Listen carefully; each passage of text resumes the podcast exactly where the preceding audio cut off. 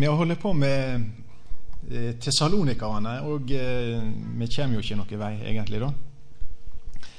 Men jeg tenkte vi skulle bade litt i Tessalonika-brevene i dag òg. Det står 'vassbade i ordet'. Jeg liker det der uttrykket der. Jeg liker liksom å, å dukke ned i Guds ord og sømje litt rundt i dette ordet her. Og det er en voldsom oppdrift, skjønner du. Guds ord har oppdrift. og det, det, er flott å oppleve det, og det er veldig masse å, å ta tak i her. Far i himmelen, jeg ber om at du velsigner deg med del i sammen i dag. Jeg ber om at du leder tankene mine og ordene mine og ånda mi, så jeg kan få lov å tjene deg. At dette kan bli til gagn for ditt folk. Jeg ber at ditt rike skal komme i oss og rundt oss. Jeg ber om at ditt navn skal helges, at du skal bli stor i oss og rundt oss. Far i himmelen, forbarm deg over oss. La oss få lov å sitte på fanget ditt. La oss få lov å merke pusten din. Amen.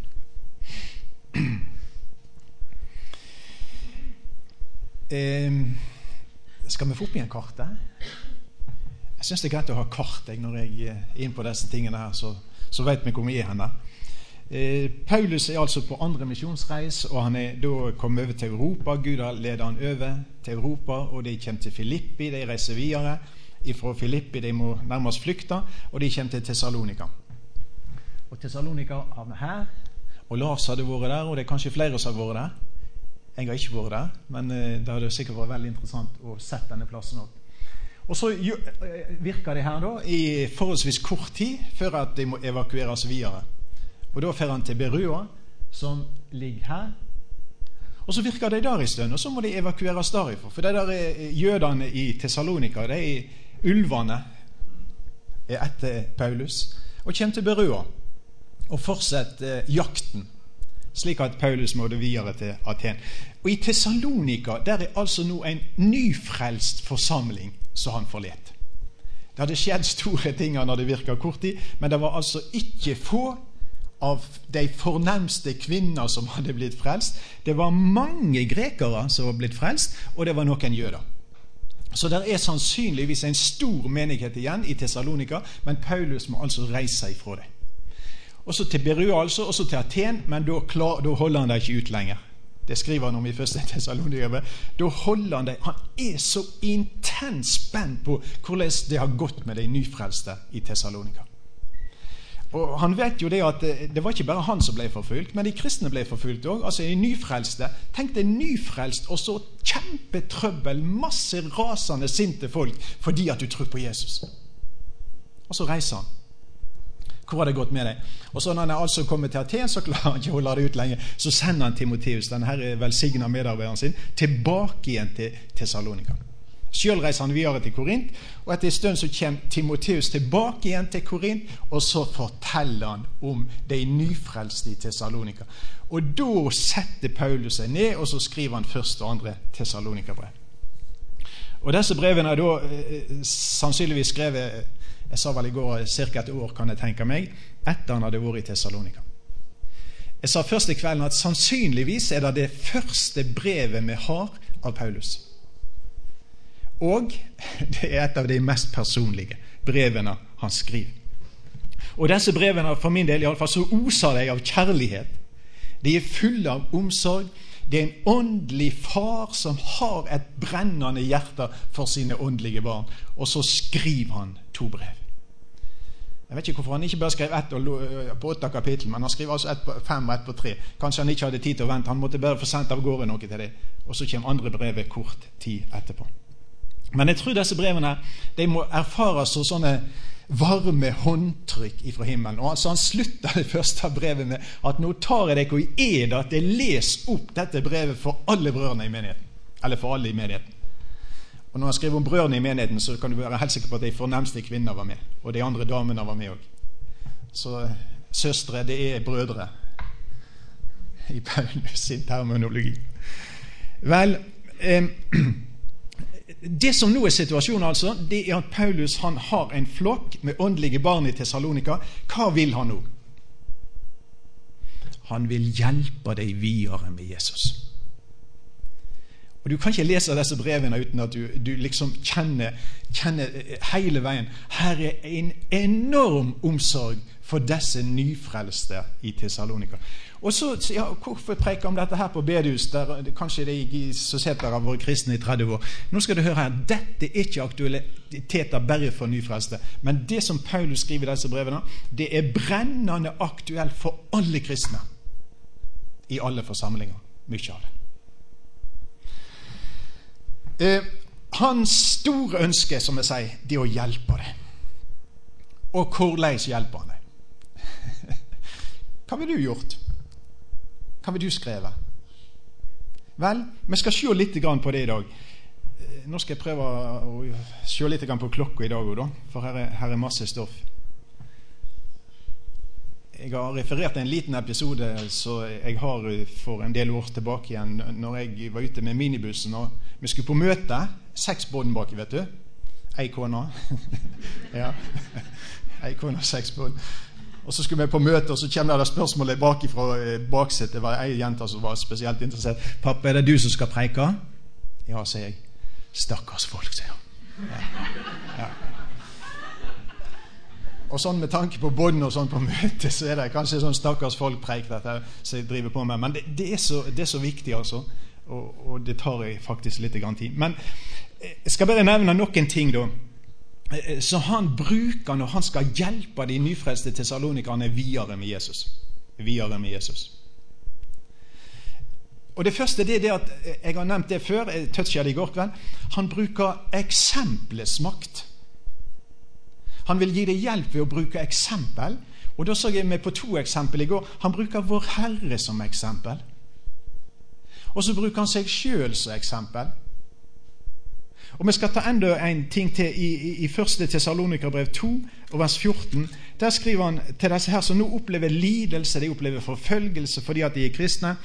For det brød har blitt etterfølgere av de Guds kirkeledere i Kristus Jesus som er i Judea, for de har fått lide det samme av dykker egne landsmenn som de har fått lide av jødene. Altså, Jeg tror de nyfrelste i Tessalonika de er litt frustrerte og de er litt forvirra. Altså, er det, koster det så masse å være kristen? Er det noe galt med oss når vi blir forfulgt?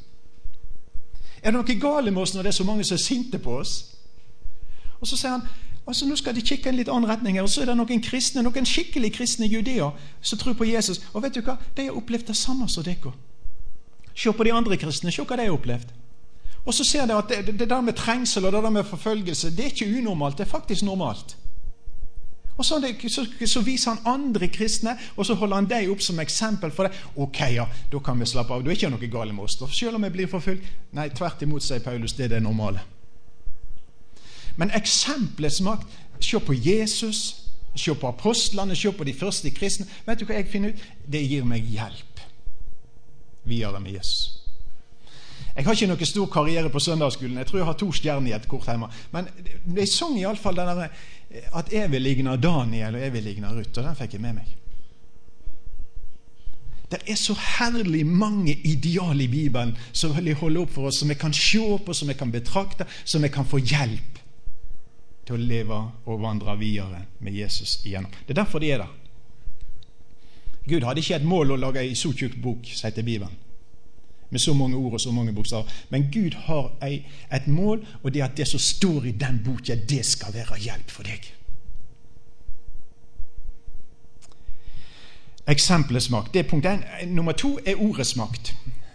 og nå kommer jeg tilbake igjen til det igjen. Men altså det som han hjelper deg med, det er jo det for det første han forkynt til deg. Og når han nå er kommet sett i Korint, så hjelper han deg videre gjennom forkynnelse, gjennom to brev.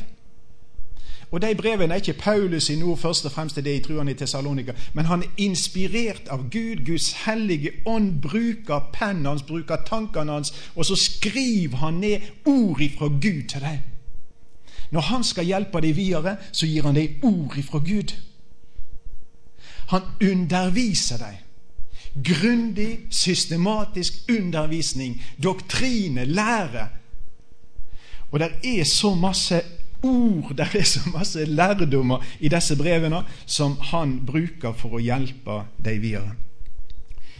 Eh, jeg, når jeg leste gjennom disse brevene, jeg har jo lest en del ganger, da, så, så kom jeg jo til å legge merke til at, jeg, at det var jo forferdelig masse formaning i disse brevene. Så i ferien så setter jeg kona mi til å lese. Og, kan du finne ut hvor mye formaninger det er? Jeg hadde lest sjøl først. Og så tenkte jeg nå får vi se om vi blir enige her. Og vi kom til at det er nesten 50 formaninger i disse to brevene.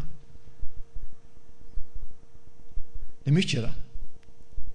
Nesten 50 formaninger til nyfrelste i Tessalonika.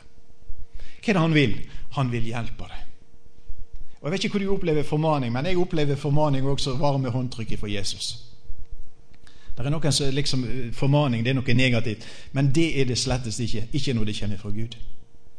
Og det er masse oppmuntringer, det er masse korrigeringer. Vet du hva korrigering er? Det er kjærlighet i praksis.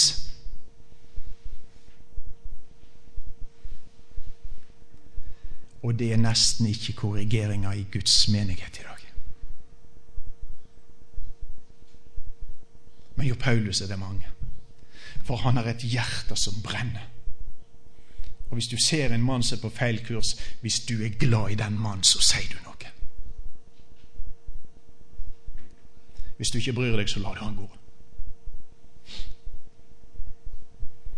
Tar det tak i deg når det mangler folk i forsamlingen? Tar det tak i deg når du ser at han blir liggende igjen på veien? Gjør det noe med deg når vitnesbyrdet til han eller henne forstummer?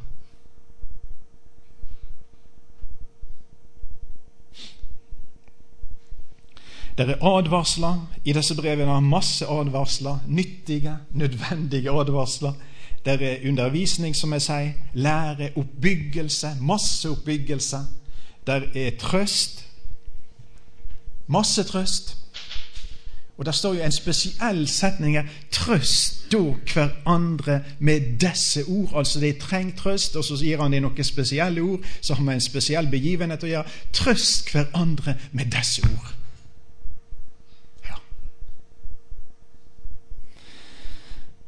Det er skryt. Det er masse skryt. Han roser det. Og jeg tror det var godt for deg å høre. Han forteller om ting som er bra. Hør hva han sier i 1. Test 4.1. Og ellers, brør, jeg og oppmoder vi dykk i Herren Jesus, liksom det har lært av oss hvordan det bør ferdast og være Gud til behag, slik det òg ferdast. Altså, de har lært av oss hvordan det skal ferdes og være Gud til behag. Og sånn gjør det. Hør hvor flott. En enorm, et enormt vitnesbyrd om disse her. Og så sier han så må det gjøre enda større framgang i dette. Vet du hva han sier? Det er glimrende, jo, det, men det kan bli bedre. Og så snakker han om at de eh, tessalonikerne det, altså det, det, er min glede. Altså, det er vår ros for Gud. Og så takker han Gud for disse nyfrelste tessalonikerne. Veldig masse. Andre Tessalonikerbrev 3.1 så skriver han sånn at til slutt, brødre, be for oss at Herrens ord må ha fritt løp og varte hall i æra, liksom Jodeko. Hører du hva han sier? Altså Jodeko i Tessalonika, så har ordet fritt løp, og så blir det holde i æra. Altså Det har et spesielt syn på Guds ord. Det, det ærer Guds ord. altså det, de, har et rett syn på Guds ord. Og så ber han faktisk om at det samme må være der som han er nå. Han skryter av det. Vi er ikke så flinke til det i Guds forsamling.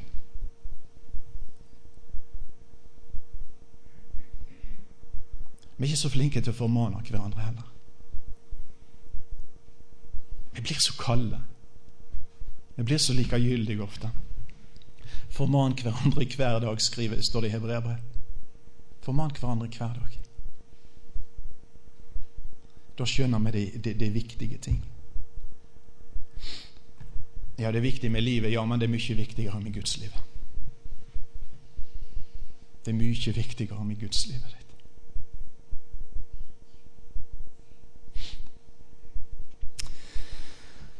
Og så har han i disse brevene mange personlige meddelelser. Han er veldig personlig, som jeg sa i stad. Og, og, og, jeg tror det måtte være godt å høre for tesalonikeren at denne apostelen han lengter etter det.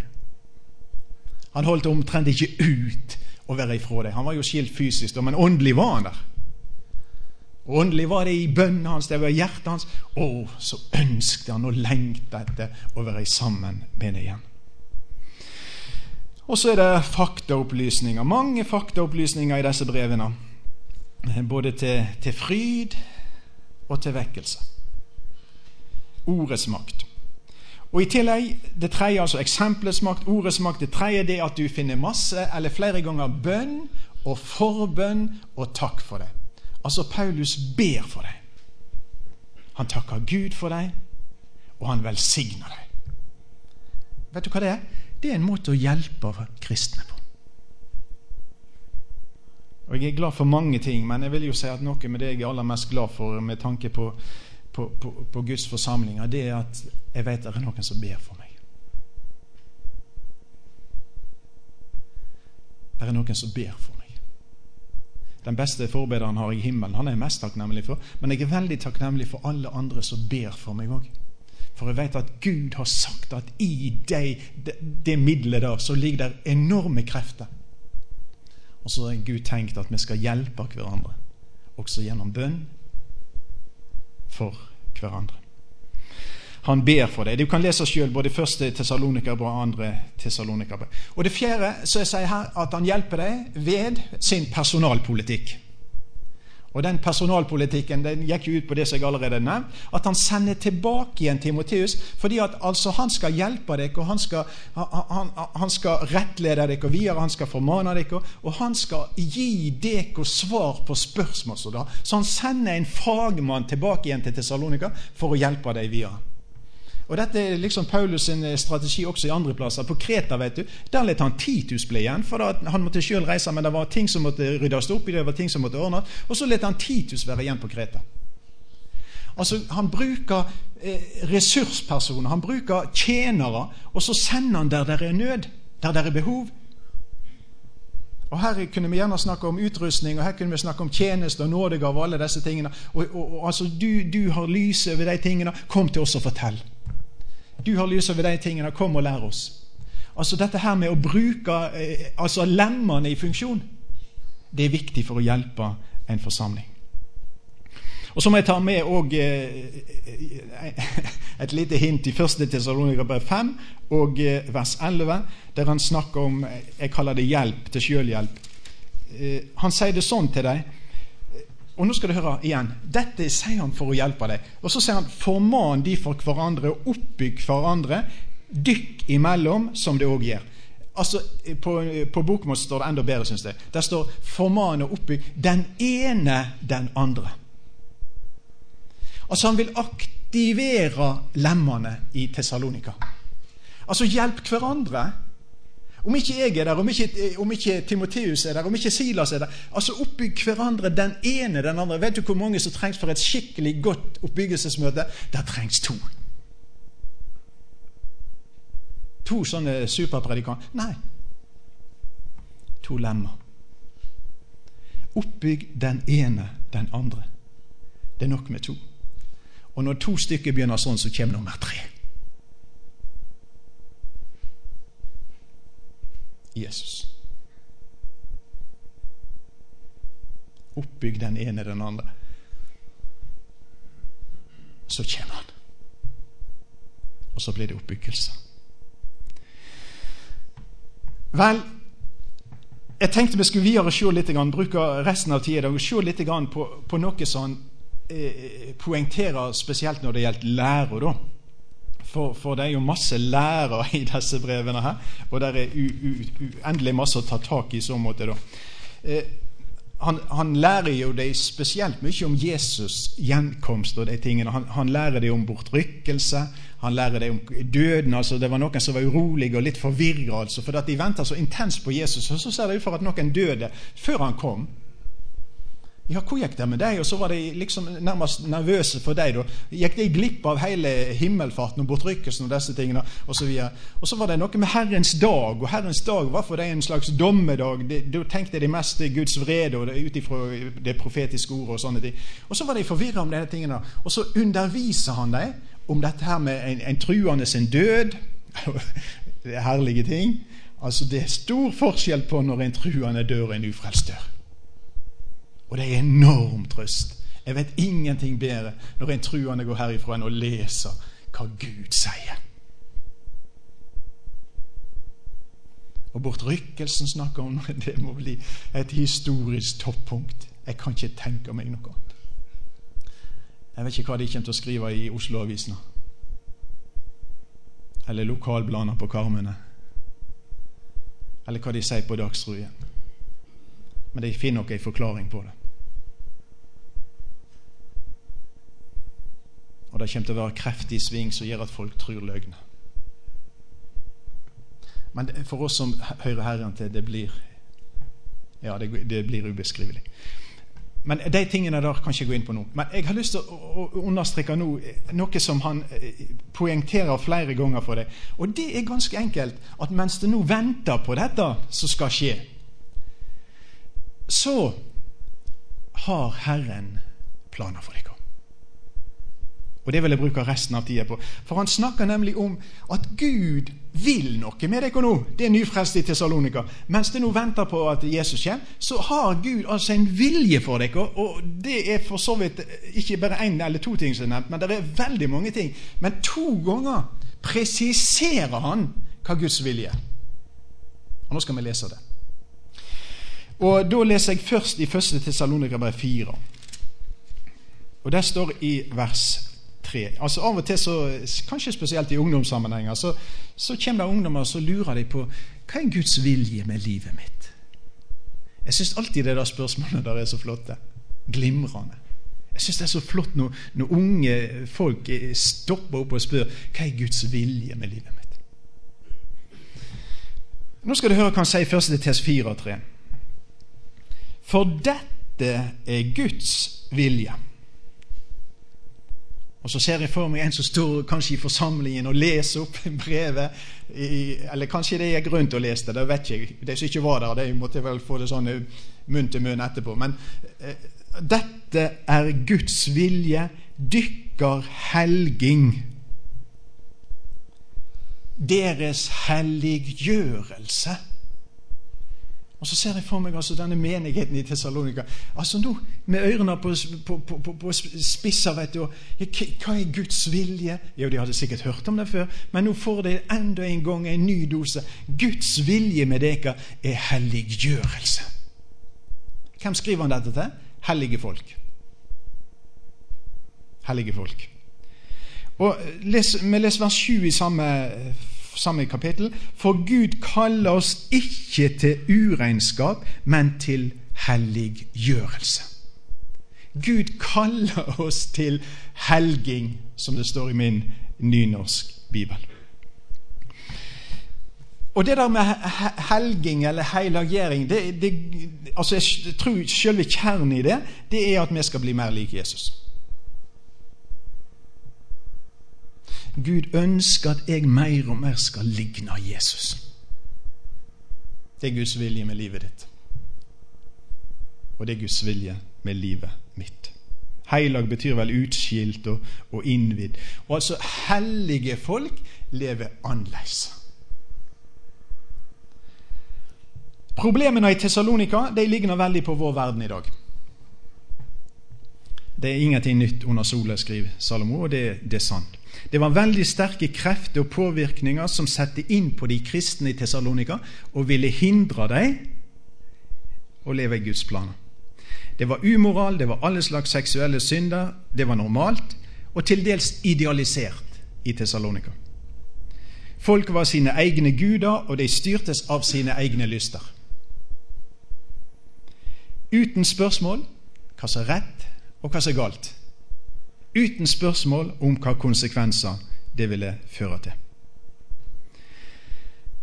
En, en, en del avguder de ble altså dyrka gjennom prostitusjon og slike ting. Og de gav det en sånn religiøs form som legaliserte det på en måte. Og som jeg sa i går, bak alt dette var åndskreft i sving. Og det er dette han går inn på nå først, når han snakker om helliggjørelse. Halt dykk fra hor, hver av dykk må vite å vinne sin egen ektemake i heilagdom, skriver han, og ære. Ikke i sanselig lyst slik som hedningene og de som ikke kjenner Gud. Og ingen må lure eller utnytte bror sin. Altså Det han skriver til deg altså I, i Tessalonika er det sånn og sånn, men det skal ikke være sånn. Det skal leve annerledes. Det er et hellig folk, og sier, eh, Peter siterer at Gud sier at fordi jeg er hellig, skal det være hellig. Hvorfor skal vi være hellige? Jo, fordi du tilhører en hellig Gud, og du skal avbilde noe av Hans hellighet midt i en syndig og forferdelig ugudelig verden. Det er noen som tror at dess mer lik verden vi blir, dess mer skal vi ha appell til verden. Det der er steingale.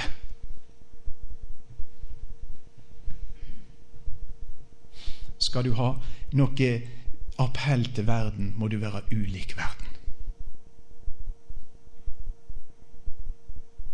Hellig. Guds vilje er deka helliggjørelse. Gud ønsker et hellig folk. Gud ønsker et folk som ligner på seg i denne verden. Gå en annen vei ikke urenskap. Dette blir jo idealisert i vår verden òg. Først blir det normalisert. All ugudelighet. Først blir eh, Trinn 1 er normalisering, og trinn 2 er idealisering. Og det er dette verden liksom presenterer og ber oss om å henge oss på. Eh, det er ikke enkelt. Eh, altså, Jeg er så glad for at jeg vokste opp i den tida jeg vokste opp i. Høres ut som jeg er 200 år gammel, men altså, vi vokste opp i ei tid som vi var spart for utrolig mye. Jeg syns litt synd i ungdommene i dag som vokser opp. Altså, Det er så masse umoral. Det er så mye ugudelighet, det er så mye verslighet. Men nå skal du høre her. Gud sier ikke bare at sånn er det. Men Gud gir oss hjelp til å leve midt i det. Og Nå skal du høre litt av hjelpen han gir til Tessalonika når det gjelder disse tingene. Altså Det er et voldsomt press på deg. Og hva hjelp gir han deg? Det er to ting. To faktorer her som jeg har bare lyst til å trekke fram. Og Det ene det står i, i det femte verset. Merk deg det. Altså ikke i sanselig lyst, slik som hedningene, de som ikke kjenner Gud. Vet du hva forskjellen er? Vet du hva som gir deg hjelp? Det er å kjenne Gud. Altså Hedningene kjenner ikke Gud. Du kan ikke vente på en måte. Du kan ikke vente at de skal leve gudelig eller annerledes. Men altså, vi som kjenner Gud Hvordan gir det meg hjelp? Ja, for jeg vet at Gud er god. Vet du hva? Jeg tror på Gud. Og jeg tror på Gud når han sier at dette her er søppel, så, så er det skadelig for meg. Jeg tror på Gud at han vet best. Og når Gud sier nei, ikke det, så skjønner jeg det. Ok, Gud, du, du har oversikt, du har kjennskap, du vet hvor jeg er, du vet hva alt er. Og det som du sier for meg er best, jeg tror på det, Gud. Når du sier nei, så skjønner jeg at det er best for meg å innrette meg etter ditt nei. Og når du sier ja, så skjønner jeg at det er best for meg å innrette meg etter ditt ja. Altså, jeg tror på Gud, jeg kjenner Gud, jeg har tillit til Gud, og derfor jeg, prøver jeg å gjøre det Gud sier. Og så sier Gud ikke det. Ok, sier det du som sier det, Gud, så gjør jeg ikke det kjenner Gud. Og så kan du kjenne Gud òg, at han er der. Det er det ene. Og det andre det er det som står i vers 8. Nå skal du høre hva det står der. De for den som vanvører dette, han vanvører ikke et menneske, men Gud som gjev dykk sin Og det er Tessalonika. Så opplever prøvelser, opplever fristelser, som opplever hedenskap rundt deg. Nå er det en Gud som gir dere den hellige ande. Hva er det for noe? Det er Gud i oss. Og nå skal du høre du er ikke alene når du er et Guds barn. Og du er ikke hjelpeløs, men det er en Gud som gir deg hjelp gjennom det at han er i deg, og Den hellige ande skal gi deg hjelp til å takle problemene og motstå fristelser og til å leve heilag. Den hellige ande, hør på det, da. Den hellige ande, den helliggjør mennesket. Det er noen som tror de blir ekstreme når de blir fylt av Den hellige ande. Den hellige ande, når han fyller et menneske, blir det heilagt. Og du får hjelp til å leve heilagt ved at Den hellige ande fyller deg. Han skriver om det samme til galaterne. Han snakker også om fristelse, om kjøttet og dette her forferdelige styret som gir meg. Ja, ja, men Den hellige ande skal hjelpe deg å vandre annerledes.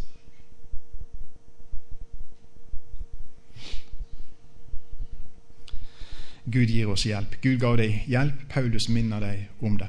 Og jeg tror De to viktigste formaningene i Bibelen når det gjelder et heilagt liv, det er Efeserane 5, vers 18 og Kolosserne 3, vers 16. Og I Efeserane 5, vers 18 står det «Vert fylte av Den hellige ande'.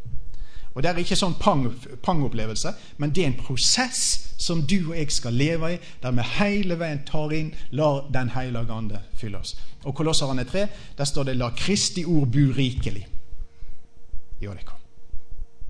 Fyll deg med anden, fyll deg med ordet. Vet du hva det blir? Heilagt liv. Fyller vi oss med søppel, så blir det søppelliv.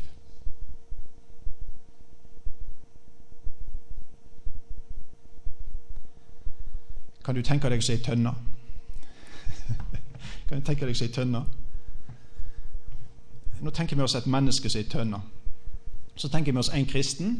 Han fyller seg med søppel. Han syger inn gjennom skjermene, gjennom bladene. Han fyller seg med denne verdens eh, alt mulig, holdt jeg på å si, av påvirkning av ugudelighet. Den andre kristne han fyller seg med Guds ånd og Guds ord. Det er vann. Søppelet fra verden er krutt. Så kommer det en fristelse. Så kommer det i stikker. Ned i kruttønna så sier det pang. Så kommer det en fristelse, så kommer det ei stikker ned i vasstønna, så sier det psj. Den slukner. Det er forskjell ut ifra hva vi fyller oss med som Guds barn.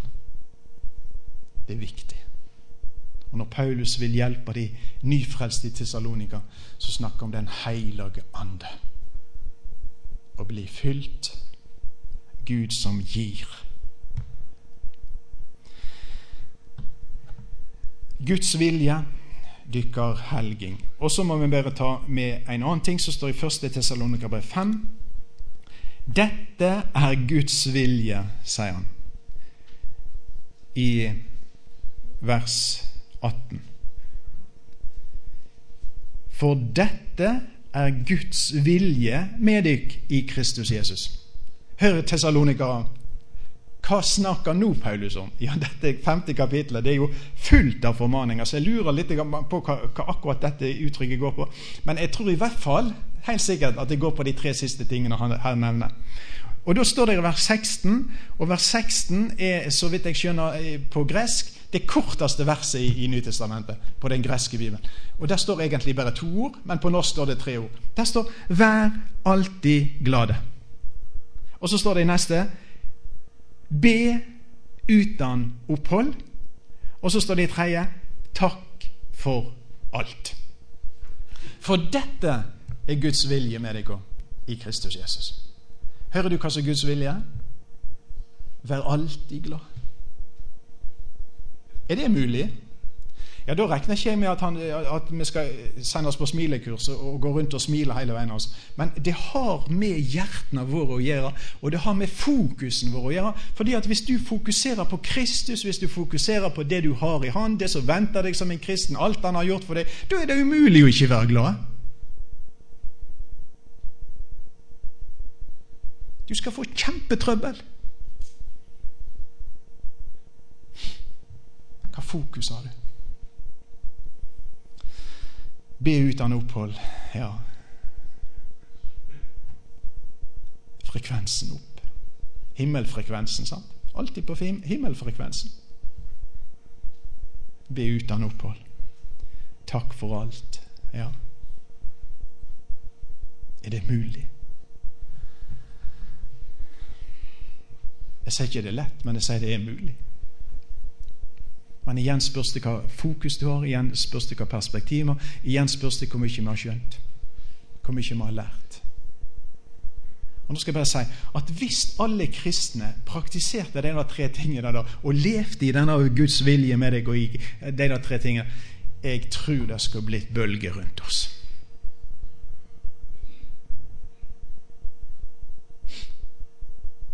Jeg tror de skulle sette et annerledes folk.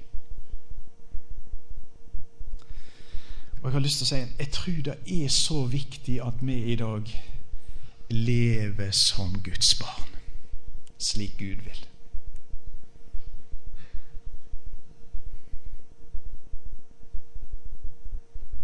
Vi har jo litt sånne metoder og strategier. Sant?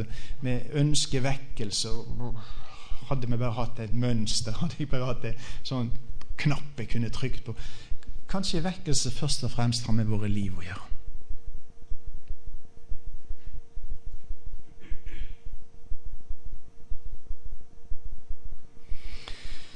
Altså To ting har jeg iallfall nevnt. Guds vilje, det er hva helging, helliggjørelse, Guds vilje, vær alltid glad, be uten opphold, takk for alt. For dette er Guds vilje med deg i Kristus Jesus. Er det tyngende? Er det noe som trykker oss ned, dette? egentlig skulle det vel være egentlig bare oppdrift gjennom alt. Jeg må bruke fem minutter til slutt noen bibelske fakta fra Tessalonika-brevene som er nyttig å ha med når du skal vandre videre med Jesus, og som jeg helt sikkert betydde masse for, for disse i Tessalonika òg. Og Det har jo med deres framtid å gjøre. og Nå skal ikke jeg gå masse inn på det, men jeg hadde bare lyst til å lese et par vers til slutt. I 2. Tessalonika-brev 1.10. Nå skal du høre. Det går ikke an å få en mer vidunderlig framtid enn den Gud gir et menneske. Og jeg har skjønt så lite av det. Jeg bekjenner og erkjenner jeg har skjønt så ufattelig lite av det. Men jeg har iallfall skjønt nok til at jeg fryder meg over det. Så venter meg som en kristen. Og Nå skal du høre hva han skriver til Tessalonikerne. Se for deg igjen en flokk som opplever trøbbel, som gir problem, eh, mishandling. Jeg har lest, Det er vel en tradisjon som sier at iallfall var det tre damer som ble martyrer i Tessalonika i den tida.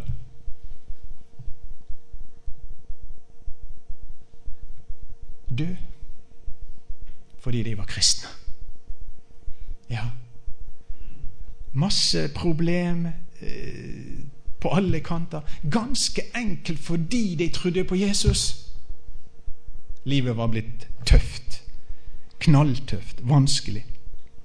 Og Så skriver han i 2. Tessalonikerbrev 1.10.: Om den dagen da Han kjem Ja, og det er så flott å ta med seg. Og det kan du tenke på hver dag du våkner. Er dette den dagen da han kommer? Den dagen da han kommer for å Ja, hva er det han skal? Altså, Hva er det Jesus skal når han kommer? Ja, Så, så skriver han om en ting som han skal gjøre. For å syne seg herlig i alle sine heilage og underfull i alle som tror for det trudde det vi vitna for dere. Og når han kommer, så skal han altså gjøre noe Ikke bare jeg holdt på å si for dere, men hør nå hva han sier. Han skal vise seg, eller syne seg herlig, i I alle sine hellige, og underfull i alle som tror. Fantastisk.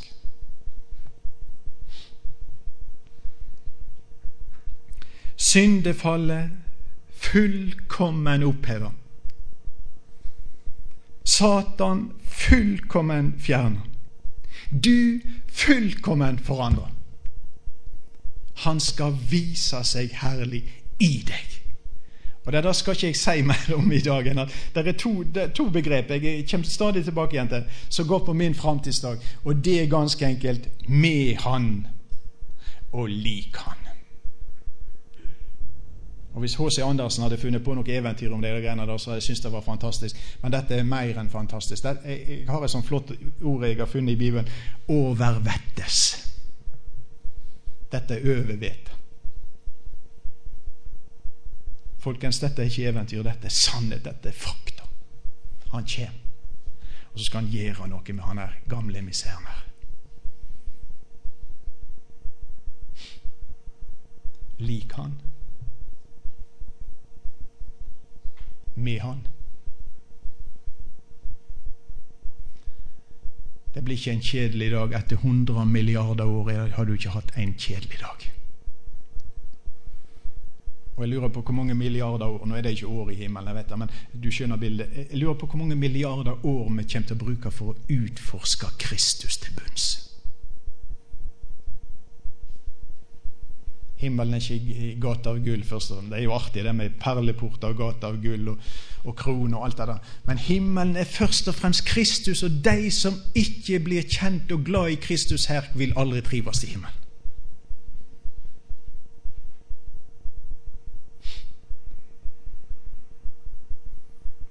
Jeg vet ikke om vi snakket mer om himmelen før. Gjorde vi ikke det? Jeg tror vi sang litt mer om himmelen før òg. Men nå har vi jo lagt oss himmel på jord, så nå har vi gjerne nok med det. Du skjønner, du kan etablere sånne paradis her at du glemmer paradis der. Vi trenger å løfte hverandre inn i Guds planer, inn i Guds tanker, inn i Guds framtid, så det tar fyr i oss. Det er ufattelig. Og så må jeg si alternativet er òg ufattelig. Jeg skal bare lese verset før her. 2. Tes 1, altså 8 og 9, så står det Han som kjem med lågande eld og tek hevn over de som ikke kjenner Gud. Dette er ikke milde Jesus. Han som kommer med luende eld og tar hevn over de som ikke kjenner Gud, over de som ikke er lydige imot vår Herre Jesu evangelium. Når du står og hører det evangeliet der, så har du et alternativ. Du kan være lydig, eller du kan være ulydig. Du kan ta imot kjærlighet til sannheten, eller du kan forkaste kjærlighet til sannheten. Og Forkaster du kjærlighet til sannheten, og er du ulydig mot evangeliet, så venter det deg hevn. Guds hevn.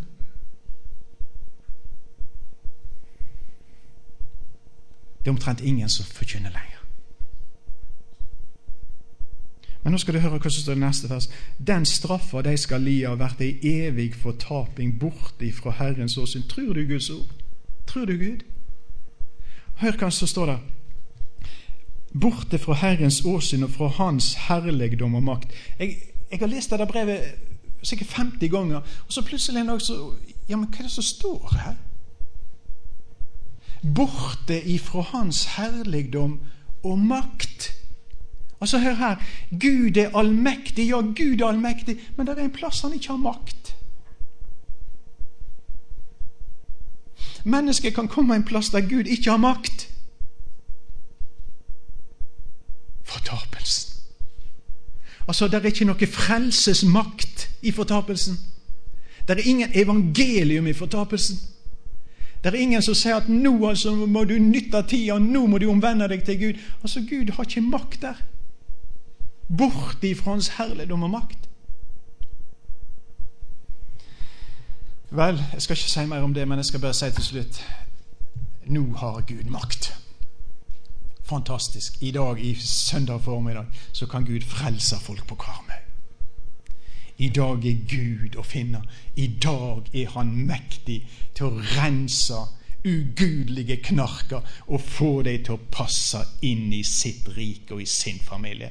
I dag kan Jesus begynne å helliggjøre mennesket, og en dag skal han herliggjøre dem. Det er fase to. I himmelen er det ikke helliggjøring, for da er alle fullkommen hellige. Helliggjøring har med livet vårt her å gjøre, og så blir det herliggjort.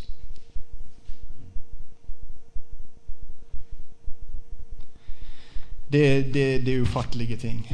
Det overvettes. Men det er Guds ord. Far i himmelen, vi takker deg, vi priser deg for ordet ditt.